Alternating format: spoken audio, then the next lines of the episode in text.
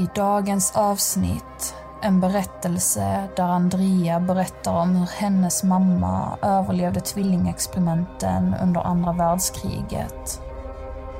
Alltså det är så sinnessjukt. Allt är ju sinnessjukt som hände där men eh, jag kan inte föreställa mig hur det måste ha känts. Mamma sa i alla fall att hon var väldigt rädd. Så jag, usch. Och en berättelse om Toyosu som inte bara överlevde atombomben i Hiroshima men även atombomben i Nagasaki. Mina tankar gick direkt till min familj. Hade det klarat sig eller hade bomben tagit dem? Detta är podcasten Do you wanna play a game med mig, Joy, där en berättelse är sann och en är falsk. Lyckas jag lura dig eller överlistar du mig och gissar rätt på vilken berättelse som är äkta? Svaret på det får du i slutet av detta avsnittet då jag avslöjar sanningen.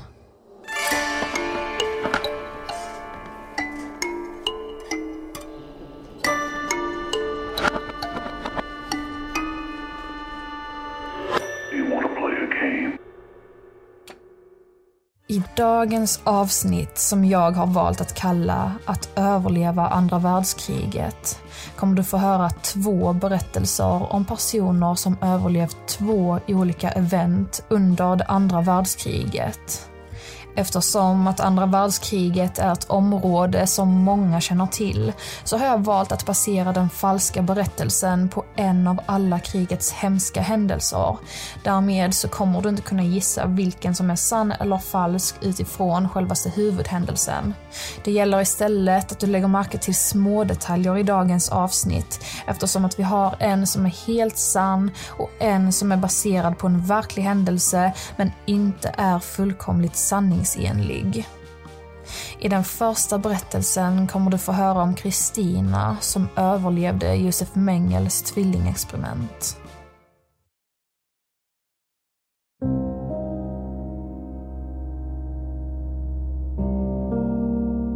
År 1943 var andra världskriget i full gång.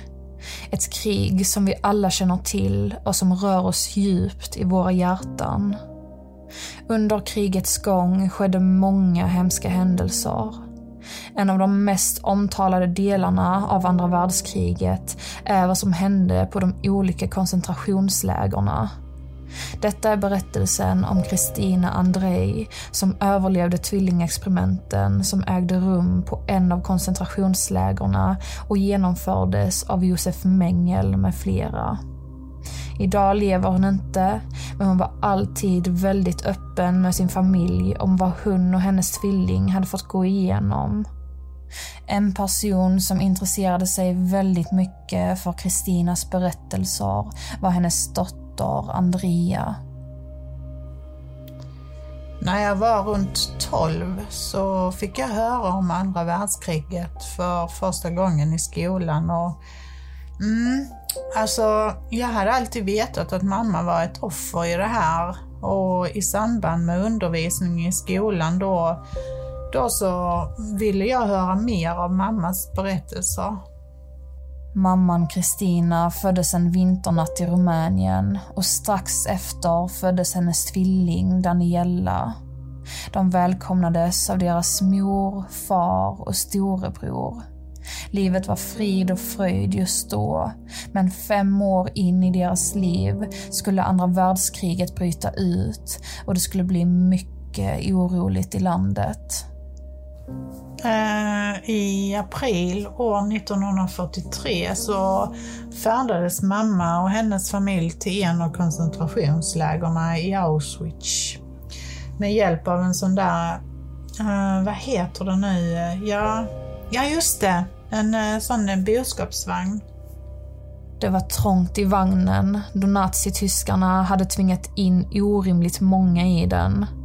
Det var nästan så att människorna i den stod ovanpå varandra. Men Kristina och hennes familj lyckades hålla ihop. När de var framme vid koncentrationslägret i Auschwitz började soldaterna dra ut alla ur vagnen vilket resulterade i att många skildes från sina familjer redan där. Men Kristinas familj släppte inte taget om varandra vilket gjorde att de inte slets isär. Familjen leddes åt sidan och där stod de både rädda och förvirrade. De hade ingen aning vad som väntade dem, men de förstod att det inte var något bra. Sen så, eh, när de stod där, så kom det plötsligt fram en man och pekade på mamma och Daniela samtidigt som han skrek Twins, twins! Och då hade bara mamma och Daniela kollat oroligt på varandra liksom. Kristina och Danielas pappa tog ett stadigt grepp om sina döttrar. Han höjde rösten och sa att de rör ni inte. Då hade soldaten kollat på tvillingarnas pappa och sagt att han skulle vara glad att hans döttrar var tvillingar och inget annat. Sen kollade soldaten på tvillingarnas bror och spottade på marken. Kristinas mamma la en hand på pappans axel och gav honom en blick som indikerade på att det kanske var det bästa att lämna över tvillingarna till soldaten. Pappan suckade och sen frågade han soldaten om det var positivt att de var tvillingar. Soldaten instämde och sen tog han tjejerna i handen och drog dem ifrån sina föräldrar. Pappan grät och mamman grät men varken broren eller tvillingarna förstod att detta skulle vara sista gången de någonsin sågs. Varken min morbror eller mormor och morfar överlevde det här. Alltså mammas bror och föräldrar då alltså. Så eh, detta var verkligen sista gången i hela deras liv som de träffades. Men det visste de ju inte då.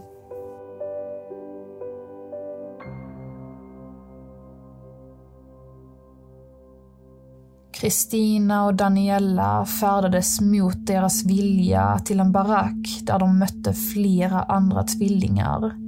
I deras barack fanns det inga andra tvillingar från Rumänien och de flesta var några år yngre och kunde därmed inte tala engelska.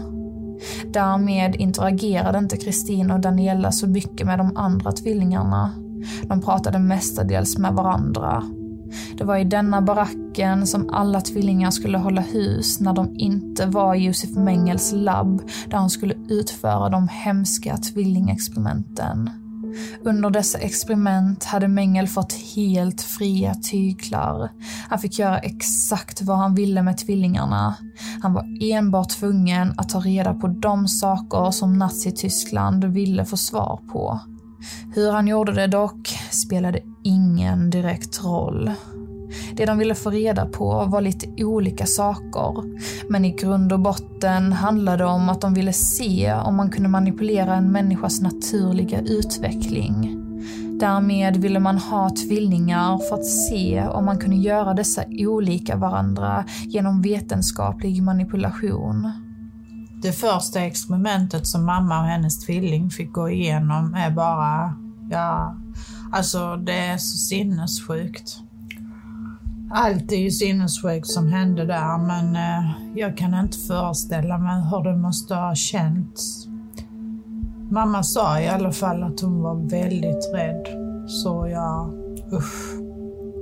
Dagen under Kristinas och Danielas första experiment fördes de till Josef Mengels labb och sen separerades de från varandra. Kristina fördes in i ett rum och vad hon fick se där inne gjorde henne så chockerad och rädd att hon svimmade. Det var ett rum fyllt med ögon.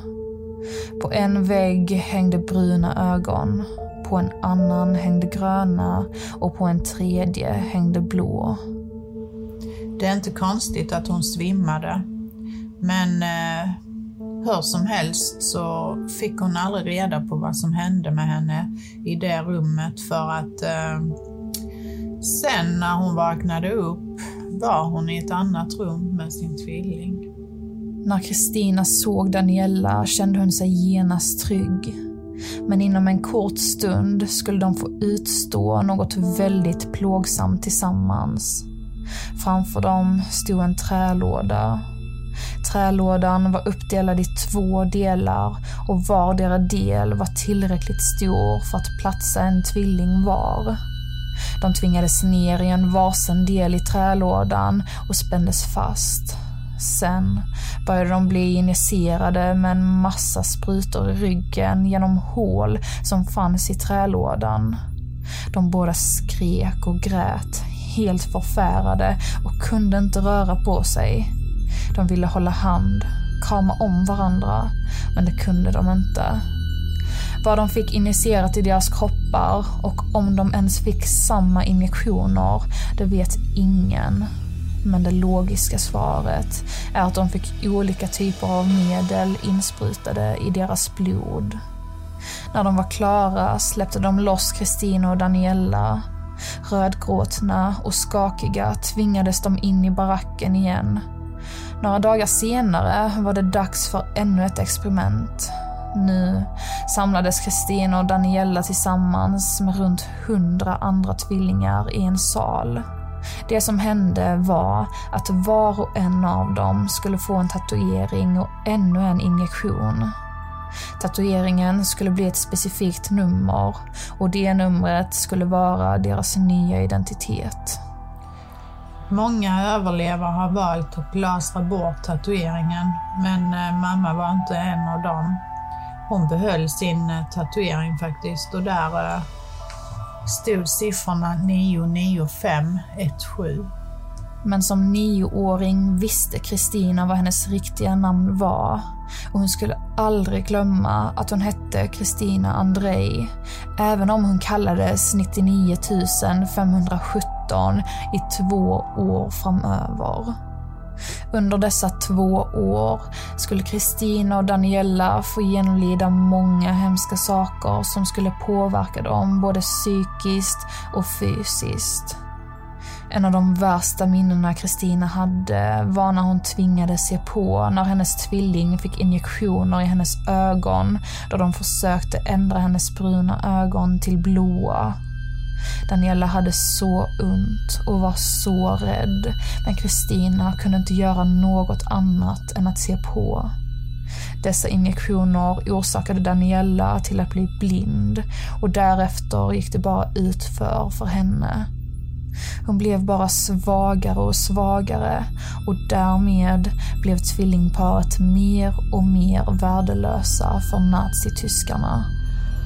Det som hände när en tvilling dog eller blev för svag för att användas var att, att de mördades i gaskammaren. Men som tur var så hann de aldrig sätta mamma i en gaskammare. En dag efter att Daniela hade gått bort väcktes Kristina av att nazityskarna var panikslagna. De sprang in i barackerna och kastade tändvätska överallt och skrek och stressade. Nu såg Kristina och några andra tvillingar sin chans. De tog sig ut ur baracken och började springa för livet. Men barn springer långt ifrån lika snabbt som vuxna människor, så de fångades och blev misshandlade. Därefter kastades de in i barackerna igen. Men efter ett tag togs de ut igen. Och det var inte av nazityskarna. Det var sovjetiska trupper som försiktigt och varsamt hjälpte dem ut. Först trodde Kristina att de skulle skada henne, men det gjorde de inte. De var där för att hjälpa, för att rädda dem från koncentrationslägret. De ställde upp alla barnen på led och alla fick visa upp sina tatueringar. Och efter en lång process blev de transporterade ifrån lägret. I många år fick Kristina bo på barnhem. Hon var äldre än många andra barn och därmed ville familjer inte ha henne i första hand.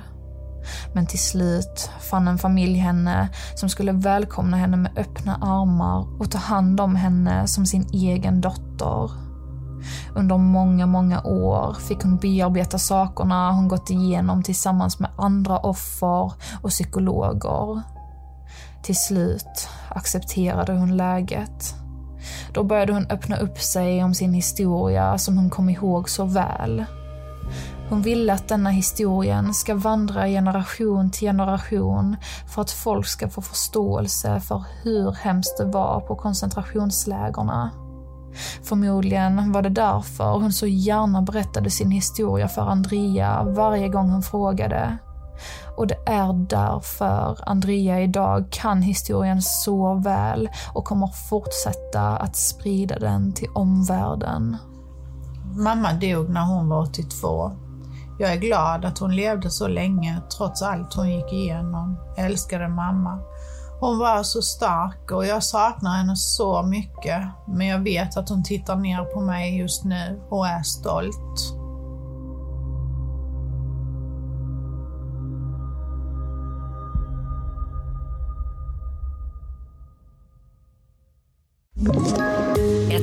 Poddtips från Podplay. I fallen jag aldrig glömmer djupdyker Hasse Aro i arbetet bakom några av Sveriges mest uppseendeväckande brottsutredningar. Går vi in med hemlig telefonavlyssning och, och då upplever vi att vi får en total förändring av hans beteende. Vad är det som händer nu? Vem är det som läcker? Och så säger han att jag är kriminell, jag har varit kriminell i hela mitt liv men att mörda ett barn, där går min gräns. Nya säsongen av Fallen jag aldrig glömmer på Podplay. Det var allt för den första berättelsen. Så hemskt och så mycket känslor. Världen är verkligen sjuk. Men nu ska vi fortsätta till nästa berättelse som handlar om atombomberna som släpptes i Japan i slutet av andra världskriget.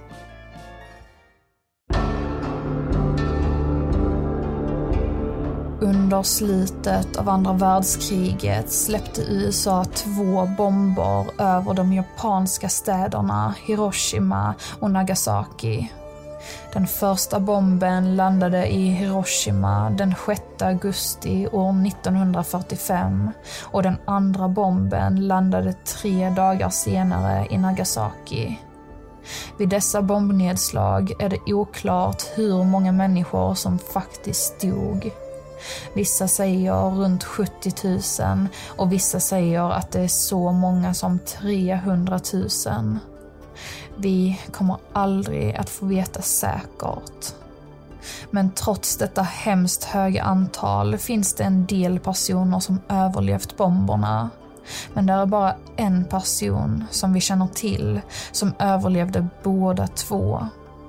Hans namn är Toyosu Yanagi och han var 29 år gammal när bombningarna ägde rum.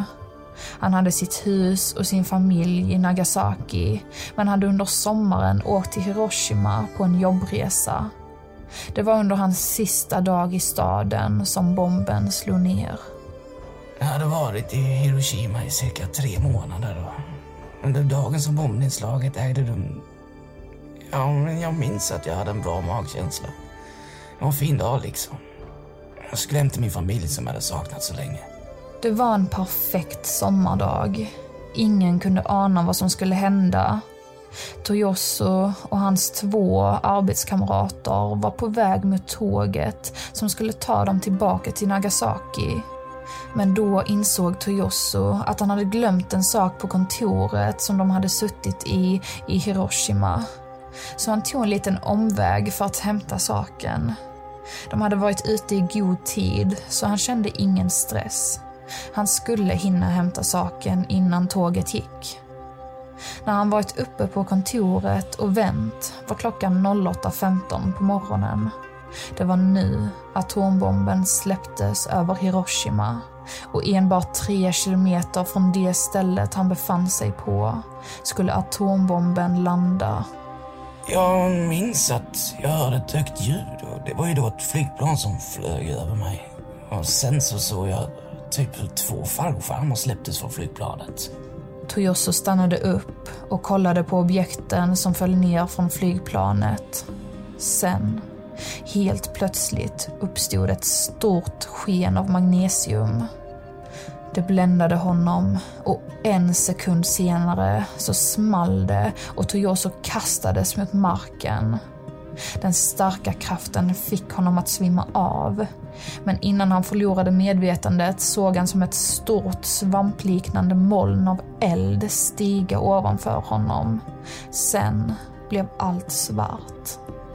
Att vara tre kilometer från stället där en atombomb landar är nära nog för att dö på plats. Det är inte många som klarar sig på ett sånt avstånd. Men Toyosu, han klarade sig mot alla odds. När han återfick medvetandet var det fortfarande svart. Men han kunde höra sin omgivning bakom ett fruktansvärt högt ljud av tinnitus. Han hade blivit tillfälligt förblindad. Hans trumhinnor hade blivit sprängda och hans överkropp var nu full med brännskador. Han kunde inte förstå vad som hade hänt och han var givetvis inte nöjd över situationen. Det tog ett tag innan han insåg att han faktiskt hade haft otrolig tur. Att han var en av få som hade överlevt. Toyosu samlade sina krafter medan hans syn sakta återvände. Snart stod han på två fötter och såg hyfsat klart. Omgivningen var helt förstörd. Människor låg på marken här och var, döda eller avsvimmade. Förtvivlat började Toyosu springa till ett närliggande skyddsrum.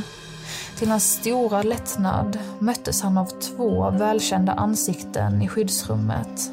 Det var hans jobbarkompisar. Det var en chans på miljonen, men på något vis hade även hans två arbetskamrater haft turen att överleva. I skyddsrummet virade de in varandra i bandage och bestämde sig för att spendera natten där. De vågade inte gå ut, för de hade ingen aning om vad som skedde på utsidan. Kanske skulle fler bomber slå ner. Kanske skulle det bli krig. Istället för att ta reda på vad som skedde på utsidan valde de att avvakta. Riskerna som kom att kolla ut var inte värda att utsätta sig själva för. Men så nästa dag så ville vi inte vänta längre. Vi kände att vi var tvungna att röra på oss. För liksom, vi ville hem till våra familjer, så jag... Vi gick ut ur skyddsrummet. De skulle nu ta sig till en tågstation som sades fortfarande vara öppen. Via den skulle de kunna ta sig hem. Toyoso och hans arbetskamrater riskerade att bli förgiftade av strålningen som låg i luften. Men detta var de inte medvetna om när de lämnade rummet. Till deras lättnad möttes de inte av ett krig på utsidan. Men det de fick se istället var hemskt. De hade hunnit se en hel del av allt innan när de tagit sig till skyddsrummet. Men nu, när kaoset hade lagt sig, var allt så mycket kusligare på något vis. Det var tyst och kroppar låg överallt. Och nu stod det klart att varje person som låg ner var död. Många av dem hade allvarliga sår. Stora köttsår som såg otroligt skrämmande ut. Vissa hade fått tunga skador i ansiktet, vilket resulterade i att deras ansikte inte längre var igenkännbart. Deras ögon, näsor och munnar hade blivit bortbrända och det såg ut som att deras öron hade smält. Synen av alla dessa personer ärrade Toyoso och hans arbetskamrater. Efter ett tag nådde männen floden som flyter genom staden. I floden låg människor och flöt. De var tvungna att ta sig till andra sidan, men bron var förstörd. Så de tvingades trä över de döda kropparna som låg livlöst i vattnet. Efter det var det inte långt kvar till tågstationen som fortfarande var fullt fungerande. Ryktena var sanna. Tågstationen var fylld av människor. Och tågen gick. Det var en lättnad. Det, det var det. Toyoso lyckades ta sig hela vägen hem till sin fru och son. Hans skador var lindriga, så han var faktiskt helt okej. Okay. På den tiden färdades nyheter inte alls lika fort som de gör idag. Så hans familj blev chockerade när de såg honom. Men riktigt glada över att han var vid liv och att han var okej. Okay. Nästa dag återvände Toyosu till jobbet för att berätta för hans chef vad som hade hänt i Hiroshima. Men han och resten av ledningen skrattade åt honom och sa att en enda bomb omöjligt skulle kunna förstöra en hel stad. De ifrågasatte om han var helt frisk och sa att han kanske skulle behöva träffa en psykolog. Toyoso förklarade att han mådde bra och att det han sa var sant. Men ingen ville tro honom. I samma stund som chefen sa att han var galen och att han borde kunna räkna ut själv att en sådan sak inte är möjlig, landade den andra bomben i Nagasaki. Den här gången så var jag lite längre ifrån Ground Zero. Kanske fem kilometer. Vilket fortfarande är väldigt nära. Toyoso kastades mot marken ännu en gång. Om han var förvirrad första gången var han ännu mer förvirrad den andra gången. Hur kunde detta vara möjligt? Hur kunde detta hända honom igen? Under ett tag trodde han att det där svampliknande eldmolnet hade följt efter honom. Och vi kan inte riktigt klandra honom egentligen. På den tiden hade bara ytterst få människor koll på att det fanns så kraftfulla vapen som dessa atombomber. Men hur som helst, under den tiden den andra bomben hade slagit ner hade Toyosos fru och son varit på ett apotek och köpt mediciner och krämer till Toyoso för hans brännskador. Detta apotek låg ganska mycket längre bort från stället där bomben slog ner jämfört med deras hus. Så att Toyoso var med om den första atombomben i Hiroshima kan ha räddat hans frus och sons liv. Toyoso var mycket närmre bomben än hans fru och son, men han överlevde ännu en gång. Denna gången svimmade han inte av, utan påbörjade direkt sin färd hemåt. Det är ett mirakel att han överlevde båda bomberna på så kort avstånd. Mina tankar gick direkt till min familj. Hade det klarat sig eller hade bomben tagit dem? Men som tur var så överlevde de.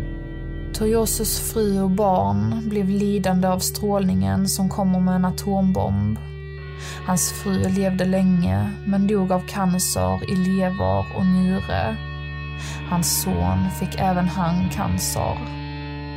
Även fast Toyosos två andra barn, två döttrar, inte var födda på denna tiden, fick även de cancer de var sjuka i hela deras liv och tror att mamman förde över strålningen till dem på något vis. Även Toyoso blev till slut diagnostiserad med cancer. Jag önskar bara att vi aldrig använder kärnvapen på detta vis någonsin igen. Tänk så många människor en atombomb kunde döda då. Bara föreställa hur många en atombomb skulle döda idag. Alltså det är bara logiskt, det är större och starkare nu än förr. Så jag vill inte ens veta vad som händer om en atombomb släpps på vår planet idag.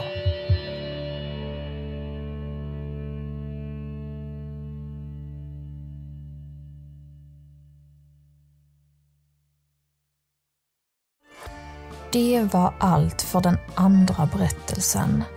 Snart ska vi ta reda på vilken av dessa två berättelser som är den sanna. Men först ska du få en liten repris på vad de handlade om.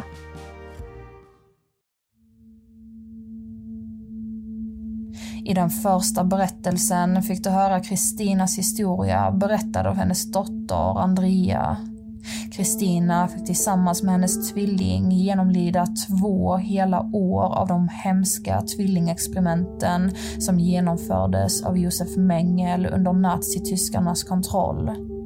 Tyvärr klarade Kristinas tvilling inte av experimenten som utfördes på henne, vilket resulterade i att hon gick bort. Meningen var att Kristina skulle dödas i gaskammaren efter hennes tvillings bortgång, men hon och alla andra han bli räddade innan det skedde. I den andra berättelsen fick du höra om Toyosu som var på plats när atombomberna släpptes i Japan i slutet av andra världskriget. Först i Hiroshima och sen i Nagasaki. Han överlevde båda trots att han befann sig på ett väldigt kort avstånd från Ground Zero. Strålningen från atombomberna gjorde så att Toyoso och hela hans familj fick cancer. Men de alla levde ett ganska långt liv trots det. Så, vilken av dessa två berättelser är den sanna? Det ska vi ta reda på nu.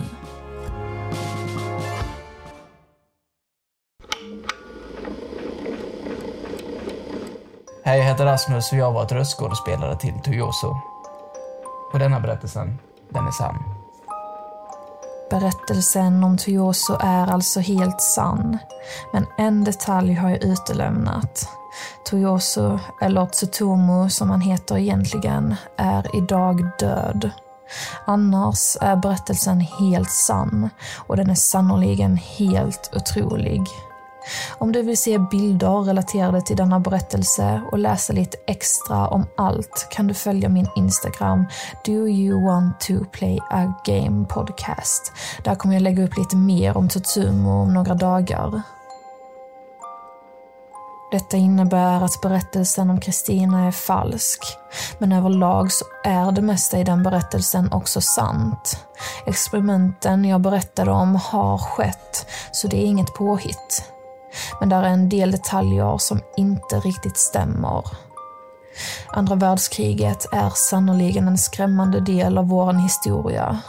Något som vi har mycket att lära av och förhoppningsvis kommer det aldrig bli ett tredje världskrig även om många säger att det är en garanti. Det var allt för det här avsnittet. Du får jättegärna prenumerera på denna podcasten och gå in på Podcaster och skriva en recension. Det skulle göra mig jätteglad. Jag är som vanligt tillbaka på fredag nästa vecka med ännu ett rysigt tema. Ses då. Hej då.